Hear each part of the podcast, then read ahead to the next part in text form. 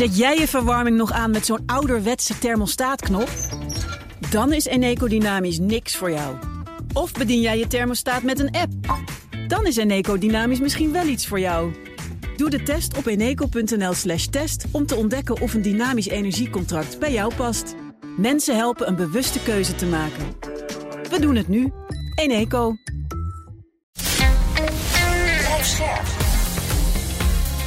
BNR Nieuwsradio.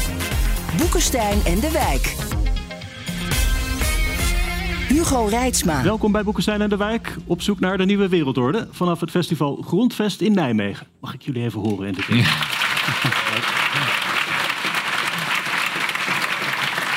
Geweldig. Met jullie eh, brengers van onheil als altijd. Arend-Jan Boekenstein en Rob de We Wijk. zijn er weer. En Peter Achterberg, onze huissocioloog noemen wij hem tegenwoordig. Ik ben er ook weer. Hoogleraar in Tilburg. Zeker. En connoisseur van allerlei onbehagen. en Je zit me nou heel erg op de hemelen, maar Ja, eh, ja, ja, ja, ik, doe je er wel ook mee. goed boos worden? Ik, man, ik ben de hele tijd boos. Het is wel lekker om een onbehagen professor hier te hebben. Nou, ze noemden mij vroeger op mijn afdeling noemden ze me altijd Anomic Piet, hè? dus eh, onbehagelijke Peter. Dus, eh, en dat klopt denk ik wel. Oké, ja. Waar we het over wilden hebben. Weet jullie nog, begin van de oorlog, veel mensen gaven geen stuiver voor het lot van Oekraïne. De- tegen de, de alle hardware van de Russen, hè, alle tanks en artillerie die ze hadden. Daar heeft in elk geval Poetin zich enigszins op verkeken, leek het. Misschien wel meer mensen. En dat leek dan toch meer te liggen aan andere dingen. Aan, aan, aan de weerbaarheid, zou je kunnen zeggen. Dus de software van de mensen. Dat heeft Oekraïne dus, duidelijk, die weerbaarheid. Of Rusland dat heeft, dat kan je je afvragen. Maar ook of wij dat eigenlijk hebben. Want is niet precies dat wat nu getest gaat worden, nu het wat kouder wordt, de inflatie nog weer wat verder oploopt dan je voor mogelijk ging houden? Die weerbaarheid, die willen we een beetje onderzoeken. En Rob, mag ik bij jou beginnen? Hoe belangrijk is die menselijke factor in die oorlog gebleken? Ook die is cruciaal. En je ziet naarmate een land verder naar het oosten ligt, die weerbaarheid en die bereidheid tot vechten groter is. Als ik het goed eh, weet, is 16% van de Nederlandse bevolking bereid tot vechten. Als je naar Rusland gaat, dan eh, zit het al in de 60%. Hoewel ik nu de laatste cijfers zie, zou me niet verbazen als dat toch eh, wat verminderd eh, is. Maar ook naar de Baltische Staten, Finland, dat, dat zijn relatief hoge cijfers. Ook kijk, daar heb je Oh, hier is de, de gevechtsbereidheid. Ja. ja, ja dat, zie- daar zie je hem. Dus Polen is enorm hoog, 15 47 allerlaagste. procent. Nederland is natuurlijk gewoon helemaal niks. Dat is gewoon echt, eh, nou ja, oké. Allemaal NSB'ers. Ja. Nou, ja, Rusland eh, ligt inderdaad rond eh, de 60 procent. En het is echt interessant om te zien. Dus naarmate je verder naar het oosten ligt en dus minder veiligheid hebt... eh, wordt de bereidheid tot vechten groter. En dat is volstrekt logisch dat dat zo is. Voor Nederlanders is veiligheid en welvaart iets als, als water uit de kraan. En dat betekent dus eh, feitelijk dat eh, het er is. En daar hoef je ook niet voor te vechten. Daar hoef je niks voor te doen. En je ziet dus nu ook, ook aan al die omgekeerde vlaggen. Ik- We zijn er honderden tegengekomen op weg van eh, Den Haag naar hier. Dat er een enorm onbehagen is. En dat men gewoon niet pikt dat dingen minder goed gaan dan dat ze gingen. In Rusland is dat echt totaal anders. Daar eh, is in die zin de, de, de bevolking weerbaar. Dus ze hebben veel meer ellende achter de rug. In de jaren negentig was het natuurlijk gewoon één grote puinzooi in, eh, in Rusland. Eh, het is eigenlijk nooit goed gekomen. Het is een hiërarchisch, eh, eh, hiërarchische structuur. Heeft het. Corrupt. Dus corrupt. Dus die, die weerbaarheid is daar ook gewoon groot. En dat vertaalt zich ook vaak eh, in dit soort eh, cijfers. Peter, het is hier geen oorlog, maar wel crisis. Ja. Hoe beoordeel jij onze weerbaarheid op dit moment? Ja, nou kijk, eigenlijk een beetje wat eh, Rob net zegt. Hè? Dus eh, ehm, eigenlijk als er een beetje druk op de zaak komt te staan hè, en er is weinig verdeeldheid, eh, dan kan er weerbaarheid zijn. Hè? Maar wat je in Nederland ziet, is dat één groot gedeelte van de mensen op zich wel lekker, lekker erbij zit. Hè?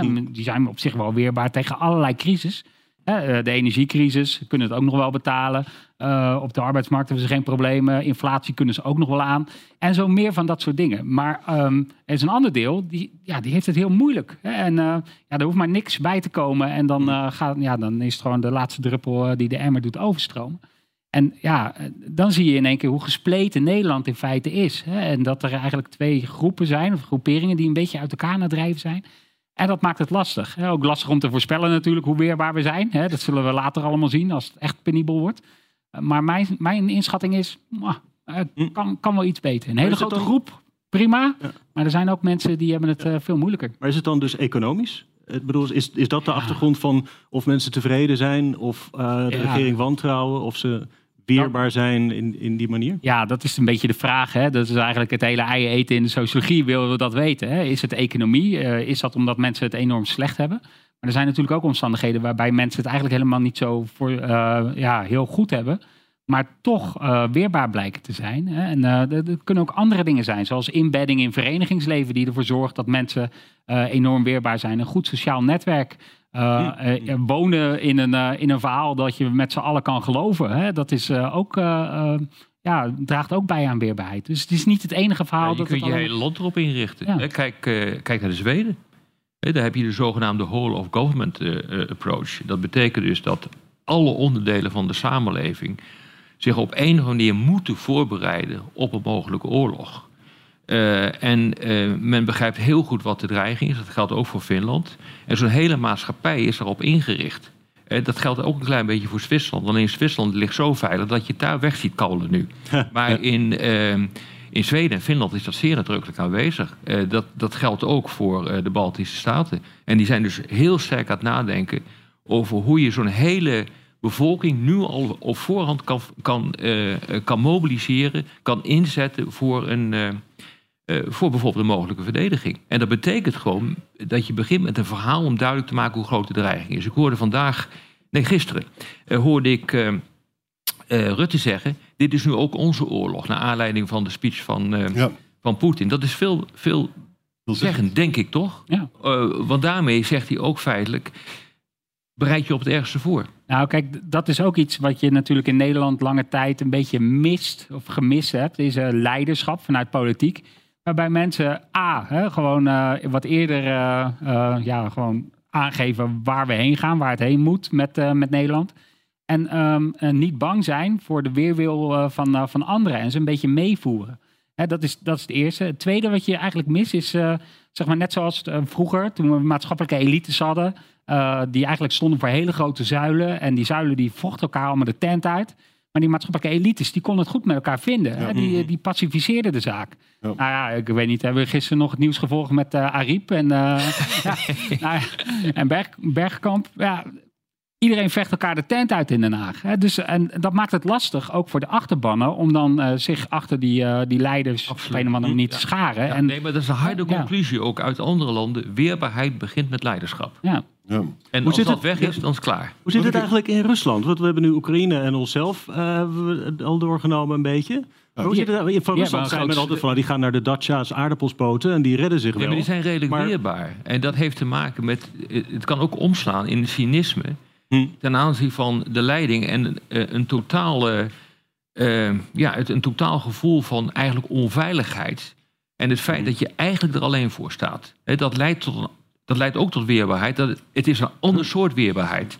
In Nederland, dat, dat staat haaks op, laten we zeggen, de verzorgingsstaat die we in Nederland hebben, uh, hebben uh, georganiseerd uh, met z'n allen. En het hele idee dat onveiligheid moet worden uitgewonnen uit de samenleving. Dat is typisch Nederland. Mm -hmm. En mm -hmm. daar leef je altijd met onveiligheid. Dus je wordt op die manier weerbaar. Het heeft ook als gevolg, het heeft ook wel een mooi gevolg. Je gaat dus naar je houten huisje buiten Moskou. Je gaat er dus een beetje moestuin. Dat is echt zo, hè? En dan, uh, nou, Hugo zit verderop, die maakt wodka. Dan kan ik een beetje mijn uien tegen de wodka. Dus je krijgt dus wel echt... Vriendschappen zijn heel belangrijk om te overleven. In een verzorgingsstaat kruipt de anomie bij iedereen langs je benen omhoog. Vertel mij wat. We hebben het eerder wel eens in dit verband ook gehad over een rally round the flag effect. Hè? Dat ja. zag je natuurlijk ja. duidelijk in Oekraïne. Zelensky was helemaal niet zo ontzettend populair voor de oorlog. Volgens mij zat hij toen een beetje op het niveau Rutte, zeg maar. Ja. Dat is enorm omgeslagen. Ja. Als het nu heel erg wordt met de crisis in Nederland, gaan wij dan ook Rutte op handen dragen? Ja, hangt er vanaf wat voor verhaal eh, je gaat vertellen. Vandaar dat ik het wel opmerkelijk vond dat Rutte zegt: dit is nu ook onze oorlog. Ja. En, en wil je ons door dat dal van die recessie heen krijgen, eh, dan, dan zul je dus met een verhaal moeten komen.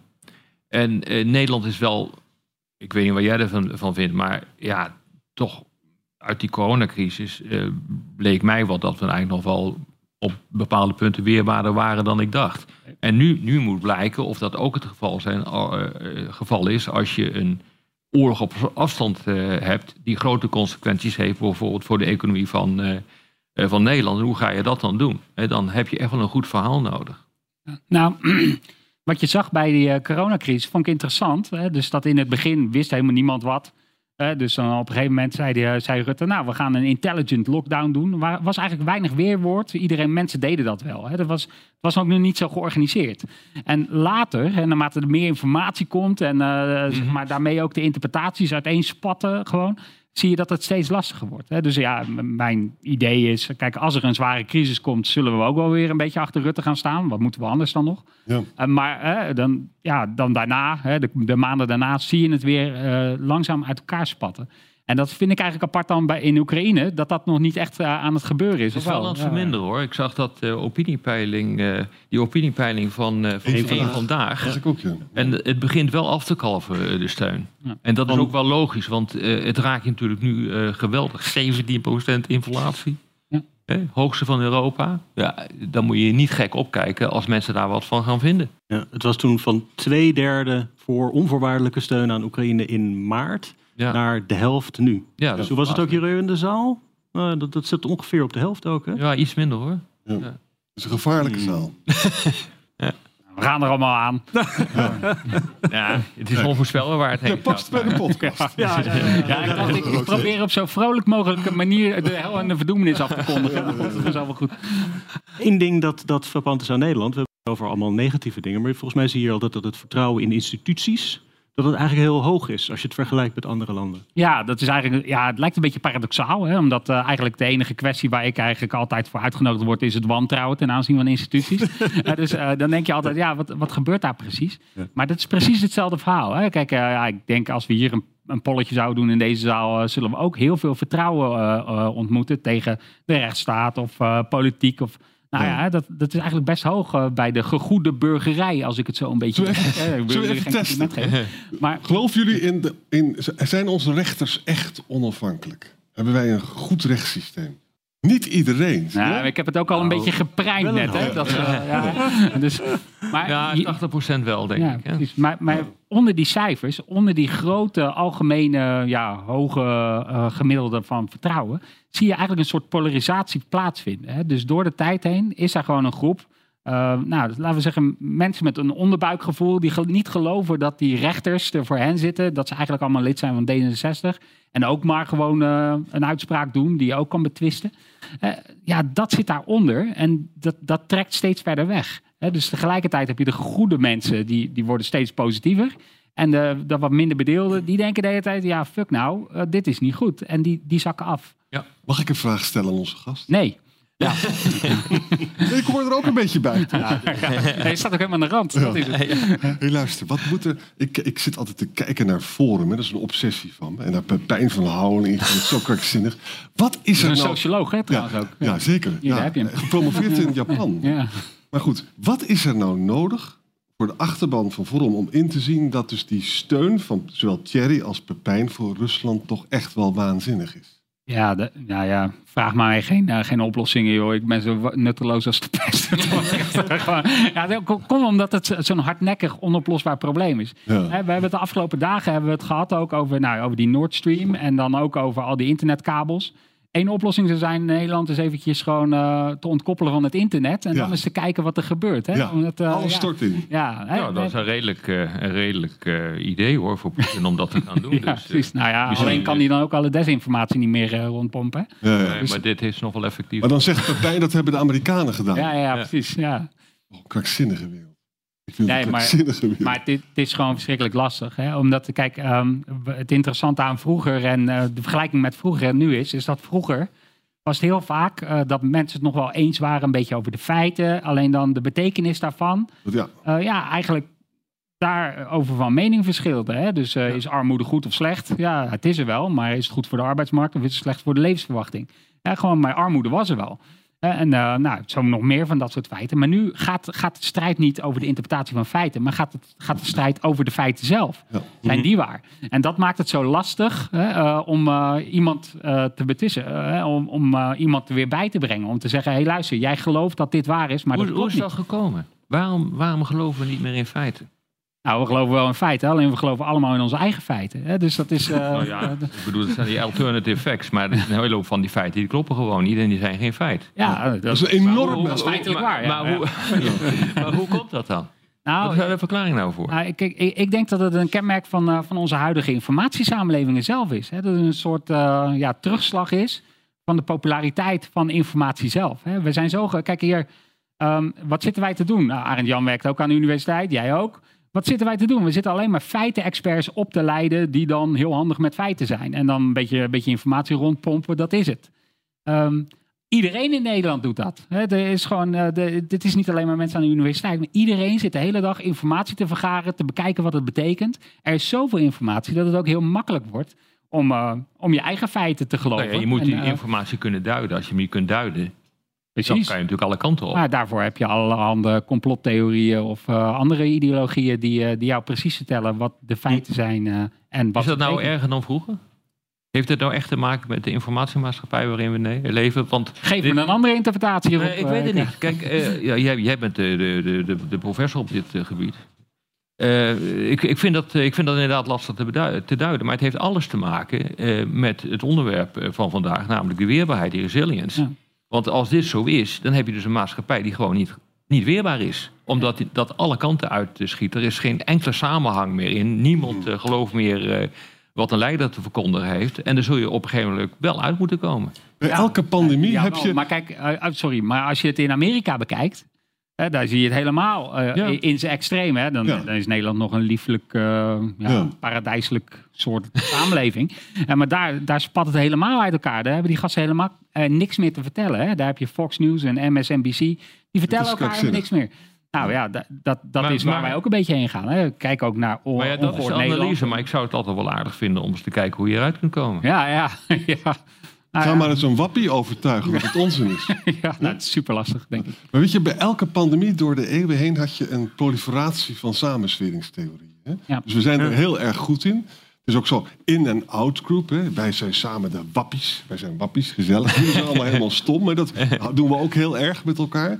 En die informatiesamenleving speelt natuurlijk ook een rol dat je die bubbel hebt. Ik ben een wappie, ik ben een Gooise yogamoeder. En ik klets met, mijn, eh, met al mijn vriendinnetjes en, en ook met een paar websites. Klaar is Kees. En ga nog maar eens met ze praten. Hè? Ja. Het is wel, jongens, het is het einde van de democratie. Eh, Amerika is er dichtbij. Mhm. Vind je niet? Dat is gewoon vreselijk. Zes republikeinen hebben al gezegd dat ze de verkiezingsuitslag niet zomaar automatisch zullen erkennen. Nou, gezellig. Gezellig.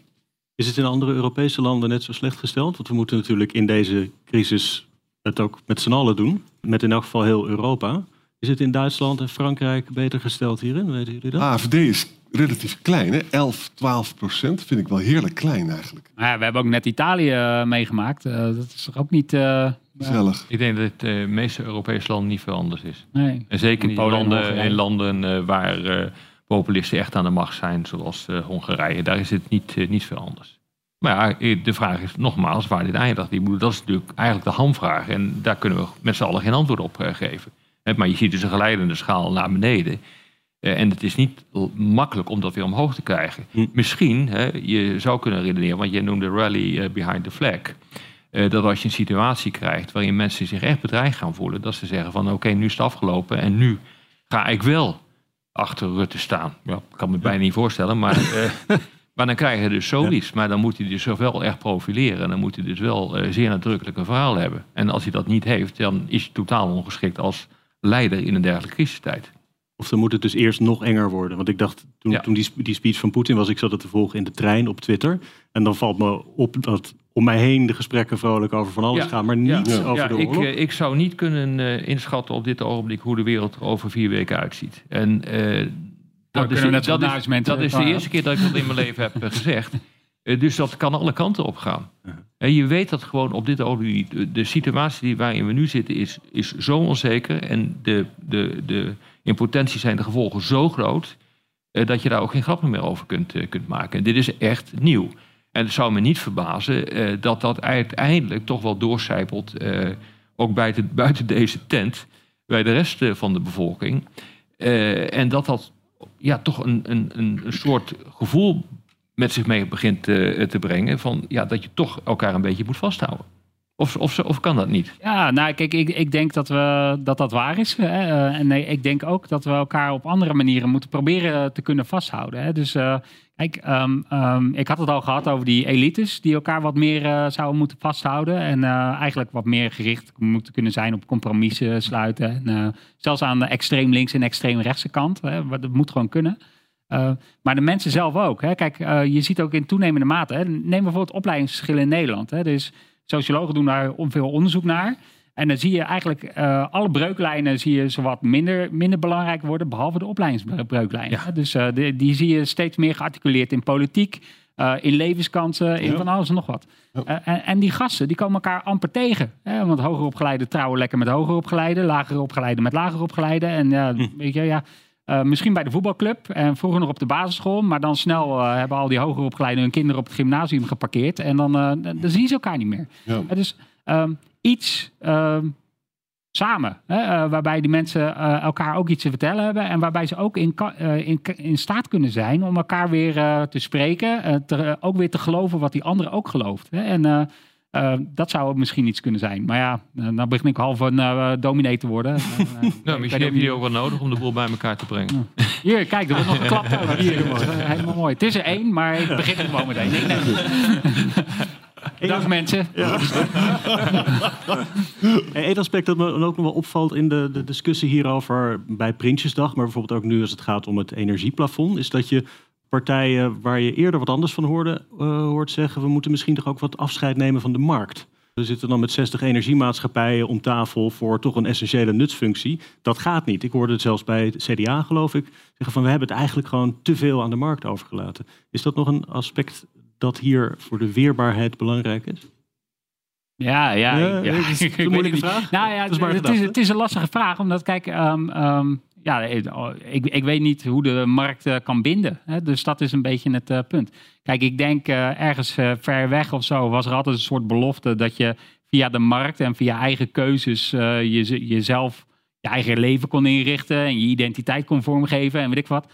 Maar om nou te zeggen dat ik dat kan doen omdat ik bij de Eneco zit, ja, dat weet ik dan niet. Hè? Dus dat, dat, maakt het lastig. Ik denk dat het niet voor uitmaakt. Nee. Ik denk dat het gewoon gaat om politiek leiderschap. Ja. En uiteindelijk moet het ook die economie moet wat opleveren voor de mensen. En uiteindelijk bepalen politieke leiders ook hoe bedrijven zich moeten gaan, uh, gaan gedragen. Uh, dus het is veel te gemakkelijk om te zeggen van dan moet de marktwerking maar afgelopen zijn. Je ziet nu wat er gebeurt. er wordt nu ingegrepen bij, bij de energiebedrijven. Die mhm. zijn nu hun beleid aan het aanpassen. Dat komt gewoon door de politiek. En dat zie je ook hoe in Amerika big tech wordt aangepakt dus uh, op een gegeven moment als er uitwassen zijn, dan corrigeert dat zich wel. Maar het is wel makkelijk. Want kijk, iedereen heeft altijd een zondebok nodig. Mhm. Dus de zondebok is of de markt of politici of uh, uh, het WEF. Hè, dat is er ook eentje. Dat is fantastisch, het World Economic Forum. Oh ja. Hoe vaak je dat wel niet tegenkomt. En ben je daar geen lid van eigenlijk? Daar kan je helemaal geen lid van zijn. Rutte wel. Hoe kijk jij hier naar, Arjan, nou, ik, ik, had een, ik had een vrachtwagenchauffeur in de straat wonen. Daar sprak ik wel mee. Dit praat nu over 15 jaar geleden. En die vertelde die wil je alleen nog maar eh, in uh, upperclass wijken. Het knippen we er even uit. En ik sprak met die man en die zei... ik heb een mooi beroep, want ik, uh, ik scheur naar, naar Zweden toe... en dan ga ik lekker barbecuen met mijn vrienden. Het is mooi wild west en ik verdien goed. Had hij verdiend inderdaad goed. En toen kwamen opeens de Polen eraan, weet je nog? En die gingen natuurlijk onder, onder het minimumloon... Dat mocht niet, maar Nederland had natuurlijk te weinig inspecteurs daar. Dus die kwamen er goed mee weg. En hij werd, zijn baan werd dus kapot gemaakt. Iets wat niemand leuk zou vinden. En ja hoor, hij binnen de kortste keren ging die PVV stemmen. Dus hier zie je dus wel hoe de dingen gaat. Van, hmm. Ik zou het ook heel naar vinden als, uh, als er allemaal mensen naar mijn college zouden komen... die voor een vierde van mijn salaris het nog veel beter doen of zo. Ik bedoel, dat is niet zo leuk. Dus er is wel ook eh, verschijnt ze als Uber, als je daar nou echt in interesseert. Dat betekent dat je dus geen enkele sociale bescherming nog hebt. Hè? Dus ik denk wel, alleen het slaat nu een beetje door. Markten zijn heel goed in het produceren van dynamiek en groei. Alleen je moet dus die externaliteiten, dus luchtverontreiniging, maar ook ongelijkheid, dat moet je met de staat een beetje redresseren. Maar staatsplanning, waar de SP in gelooft, dat is een ramp. Nou, kijk naar China. De ja. groeicijfers van China die zijn eh, echt erbarmelijk slecht. En het IMF die heeft al de noodklokken geluid. Die zijn eh, teruggevallen tot vermoedelijk 3,2 procent. Maar vermoedelijk is dat cijfers nog uh, geflatteerd. Het zal wel eens een keer in de richting van de 1% kunnen, kunnen zitten. En dat heeft in belangrijke mate te maken, mate te maken met het uh, zero-covid-beleid van uh, Xi Jinping. Ja, wat gewoon vreselijk Dus hier zie je dus wat een, een, een sterke overheid die een bepaald beleid inzet kan doen. En, en planning. Mhm. En dat is niet al te verstandig wat daar gebeurt op dit ogenblik. Bovendien zetten ze ook nog een keer de techbedrijven onder curatelen. Ja. Dat, is, dat, dat, is, eh, dat zijn de kippen met de gouden eieren. Dus En, dat en alles heel hangt met alles samen, want Duitsland verdiende heel veel op de Chinese markt. Nu zie je dus dat dat ook instort. Het gaat met Duitsland nu heel slecht, wat voor ons een hele nieuwe ervaring is. Hè? En dat gaat weer gevolgen hebben voor de eurozone. Hè? Dan krijg je weer een zieke man van Europa. Ja. Daar gaan we nog podcasts over maken. Ja, ongetwijfeld. Nog heel eventjes terug naar het punt van het begin. Want we hebben dus de, de vraag hier gesteld en nog niet helemaal beantwoord of wij het hier vol gaan houden met onze weerbaarheid als het moeilijker wordt. Kan Oekraïne het volhouden? Ik bedoel maatschappelijk. Ja, ik denk dat ze dat wel vol kunnen houden. Ja, ja. Dat, eh, of ze dat materieel kunnen volhouden, dat hangt in belangrijke mate van het Westen af. Maar als je kijkt naar de wijze waarop eh, er steun nu is voor eh, Zelensky. En nu, wat er nu eh, weer is gebeurd met die annexatie van de gebied, dat zal alleen maar als een katalysator werken. Daar, dan heb je ook gewoon geen argumenten meer nodig dat je met z'n allen voor je land moet staan. Want het is inderdaad zo dat als Zelensky be- besluit tot, tot stoppen van de oorlog, dan is het land weg. Dus dat, daar zit echt een, een, groot eh, probleem. Dus zij moeten doorvechten en iedereen weet het ook wel. Wat je ook ziet is dat zelfs de Russische taligen nu eh, zich niet afkeren van, eh, van, van hun eigen land, Oekraïne. Eh, ja, dus dat kan, heel, dat kan heel goed. Maar het probleem zit er volgens mij in dat als de Amerikanen niet doorgaan met die wapenleveranties, ja, dan houdt het gewoon op. Ja. En eh, wat dat betreft eh, is het eh, bericht dat die hele zware HIMARS-systemen, die zo ongelooflijk succesvol zijn, en waardoor Oekraïne dus ook kan op. kan, kan op, mars, opmarcheren in zowel het zuiden als in het oosten. dat die nu door de Amerikanen niet meer geleverd worden uit de eigen voorraden. Maar die moeten nu gemaakt worden. Hm. Dus dat duurt nu gewoon twee jaar voordat ze er zijn. Gek, gek genoeg is dat een bericht dat helemaal niet eh, de Nederlandse media heeft eh, bereikt. Hm. Maar, eh, want hier wordt ge- ervan uitgegaan dat we gewoon continu blijven doorleveren. Maar dat is dus niet zo. Ja. En, dat, en de Amerikanen hebben nu een enorme waarschuwing van voorgegeven van ze houden er nu mee op. Omdat ze hun eigen krijgsmacht aan het uithollen zijn. Nou, als dat gaat gebeuren, ja, dan, heeft, ja, dan moet ik nog wel zien wat er gaat gebeuren in, eh, in Oekraïne. Komen we typisch Boekenstein en de Wijk toch nog vanaf de software uit bij de hardware. Dit is even het moment waarop ik de radioluisteraar moet uitzwaaien. En wat Ja. zeg ik dan? Hartelijk dank en zo. En luistert u op de radio, dan verwijs ik naar boekensteinendewijk.nl of uw favoriete podcast app. En had u vragen willen stellen, dan had u naar hier naar de zaal moeten komen, want daar hebben we zo tijd voor. Ik wilde nog één ander punt bespreken, want we hebben het dan over onze weerbaarheid en de twijfelachtige status daarvan. Het is natuurlijk ook juist iets wat Rusland gebruikt, hè? waar zij proberen ons te raken. Zeker. Daar, eh, nee, kijk, we weten precies hoe eh, Nederland kan ontwrichten. Ik ben eh, zelf betrokken geweest bij het, het, het vormgeven van de Nederlandse veiligheidsstrategie 15 jaar geleden. En toen hebben we ontwrichting redelijk goed gedefinieerd. En, en we weten wanneer ontwrichting staat, ontstaat. Dat, dat ontstaat als de economische veiligheid aan gort gaat. Territoriale integriteit eh, wordt geraakt. Dus er komt iemand naar binnen vallen of er terroristische aanslagen. Eh, eh, dat kan ook gebeuren wanneer bijvoorbeeld er een enorme milieuramp is. Hm. Of een, een kerncentrale die een meltdown heeft. Dat kan allemaal. Dus je kunt redelijk afpellen wat, wat daarvan de ge- gevolgen kunnen zijn. En een tweede orde effect is altijd... in dit soort situaties hebben we gezien dat de politiek en maatschappelijke stabiliteit... ja, eigenlijk feitelijk eh wegebt. Die, die wordt aangetast als die andere... eh, als die economische eh, stabiliteit wordt aangetast, je economische veiligheid wordt aangetast enzovoort. Eh, dus we weten redelijk goed hoe het werkt en waar je dus op moet ingrijpen. Alleen het probleem is, ja, ben je snel genoeg? En maar bijvoorbeeld wat er dus nu gebeurt met een ingrijpen in die, in die gasprijzen en een plafond, dat heeft ook een hele duidelijke veiligheidsreden om eh, de, de ontwrichting van Nederland tegen te gaan. En of het lukt, dat moet je nog maar afwachten. En wat een Nederlands specifiek probleem is, ik zal het maar zeggen, ik zal er heel, mijzelf heel erg impopulair mee maken. Het is ook zo dat we natuurlijk gewoon gewend zijn dat iedereen overal gecompenseerd wordt. Hè? Maar nu is de crisis zo groot. En dat, dat pakket wat er was, was redelijk genereus. Hè, maar dat is nu weer achterhaald. En ik weet dus niet hoe zich dat gaat ontpoppen. Hè, want mensen kunnen gewoon niet meer ontberingen dat is, dat is, Rusland is dat natuurlijk, die zijn constant gewend dat er verschrikkelijk. Er zijn mensen in Rusland die hebben geen gas in hun huis. Hmm. Moet je je voorstellen, het land, land met zoveel gas. Die zitten daar een beetje in de vrieskou wat suf wodka te drinken. Hè? Of ze lopen buiten en dan sterven ze gewoon. Hè? In Nederland is het natuurlijk zo dat er voor alles gaan we dan wel doen. Bijvoorbeeld, we hebben nu dus het probleem met de chronisch zieken, wat natuurlijk een heel serieus probleem is. En ik doe daar ook niks van af. En dan praten we daar op de radiozenders over. Die mensen hebben een tillift, dat kost heel veel stroom. Dus daar moet ook geld voor komen gaan we hopelijk ook doen. Maar ja, als het allemaal nog veel erger wordt. De overheid kan niet alles compenseren. Het gaat over heel veel geld. Hè? En ik weet niet hoe we daar dan op zullen reageren. En Peter, eh, de- Rusland probeert hier natuurlijk ook het wantrouwen direct aan te wakkeren. Trollen en zo. Ja. Hoe kunnen we ons daar het best tegen te weerstellen? Of- Ja, ik heb net al gesuggereerd om gewoon internet eh, af te sluiten. Ja. Eh, Dat is één oplossing. Eén oplossing, Eh, ja. Nou ja, kijk, ik voel eigenlijk wel wat eh, voor hè, wat ze in Finland en Zweden denk ik hebben. Eh, da- daar beginnen ze wat vroeger met het eh, weerbaar maken hè, van mensen. Zodat ze fake news makkelijker kunnen Exact, herkennen en dat ja. soort eh, dingen. En dat zou, zou één manier zijn. Alleen, ja, dat is ook nog lastig. Hè? Dus eh, dat werkt ook niet altijd, om maar eens wat te noemen. Hè? Dus eh, ja, dat is één. Verder weet ik het niet. Sorry. Ja, ik, je bent een professor. ja, joh, weet je, die weet ook niks. Maar er moet een verhaal komen. Rutte moet vertellen wat het betekent. Oekraïne strijdt voor de vrijheid van dat land. Daarom zijn die mensen er ook zo bij betrokken. En daarom zijn ze ook zo sterk. Hè? Nou, dat is toch een, verhaal over vrijheid moet Rutte toch wel kunnen. Maar hij heeft toch geen moederma voor gehad? Wat is dat nou? Dat moet, dan kun je toch een mooi verhaal kan je erover We hebben. hebben jou nodig. Maar mag ik nog wat zeggen over wat Arend Jan eh, net zei? Eh, over dat idee dat, Ja. dat de staat altijd verantwoordelijk is. Hè?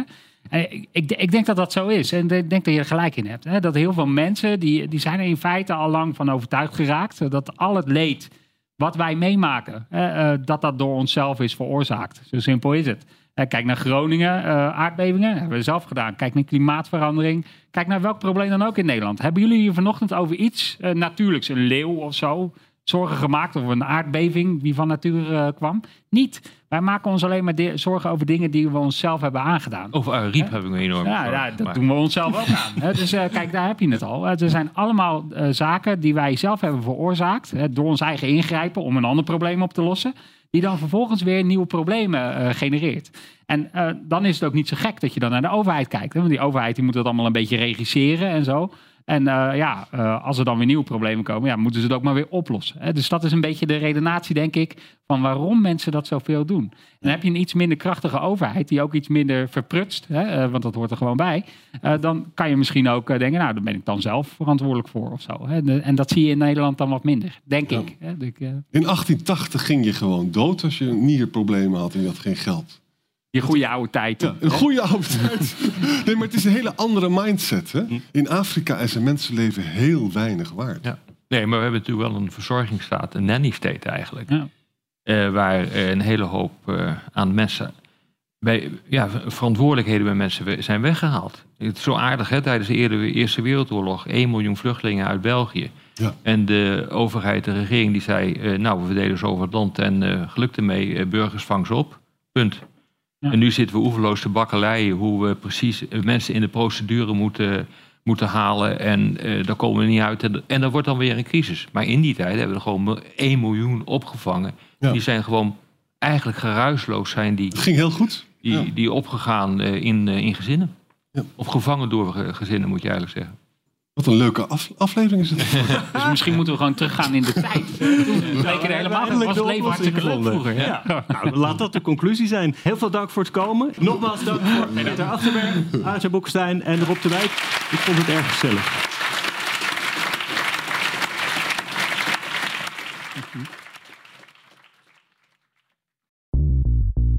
BNR ben je altijd als eerste op de hoogte van het laatste nieuws. Luister dagelijks live via internet. Jelle Maasbach. Wesley Weert. En we zijn er voor je met het leukste, opvallendste, maar natuurlijk ook het belangrijkste nieuws. Tijdens de presentatie van die halfjaarcijfers toen die beurskoers in elkaar kukkelde. BNR Beurs. Voor de slimme belegger. Blijf scherp en mis niets.